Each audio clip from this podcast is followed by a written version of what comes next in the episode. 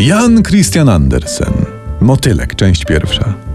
Motyl chciał wybrać sobie piękną żonę, więc naturalnie zwrócił się do kwiatów. A E, to- Do klubu powinien No. pójść, na dyskotekę, nie wiem. Albo do biblioteki studenckiej. To jest źródło porządnych, skupionych na nauce dziewczyn, a konkurencji tam żadnej, same lamusy. Motyl, może was nie słyszał, poszedł do ogrodu. Ale to skrzydełka mu urwało, że poszedł? Dlaczego nie poleciał? Nie wiem, Andersen nie pisze. Aha. I- Jak tam już był w ogrodzie, to zauważył, iż każdy kwiat stoi na swojej łodyżce skromnie i prosto jak młoda panienka.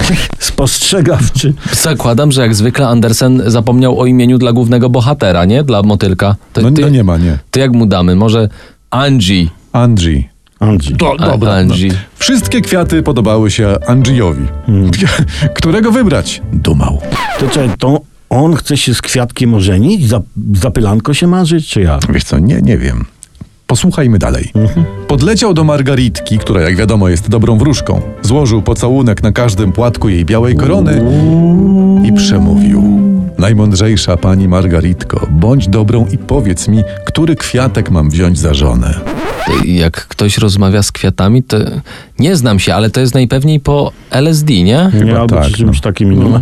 Albo jest bohaterem książki pisanej przez kogoś, kto pomylił piguły i wyknął te babcinę zamiast swoich. Panie Andersen, hello! Margaritka nic nie odpowiedziała. Była obrażona, że motyl Angie nazwał ją panią, a ona przecież była panną, prawda? Angie zapytał drugi i trzeci raz. Na próżno. Tylko jak Andersen pisze takie rzeczy pod wpływem piguł babci, to co robi babcia? Nie wiem, może chodzi i ogląda się za młodymi dziewczętami, albo, nie wiem, obłapia żonę pisarza. Motyl Angie zaczął latać po ogrodzie. Bieluchne konwalie go urzekły, ale uznał, że to są podlotki, a on chciałby czegoś poważniejszego. Lilie były piękne, ale zdały mu się trochę za sztywne. Fiołki zdały mu się sentymentalne. A, bo gościu żony szuka, rozumiem. Tak. A, ale y, mówi mądre przysłowie pszczół, kto wybrzydza, ten nie bzyka. No właśnie. I motyl w każdym razie latał dalej. Lipę odrzucił, jabłoń odrzucił, róże.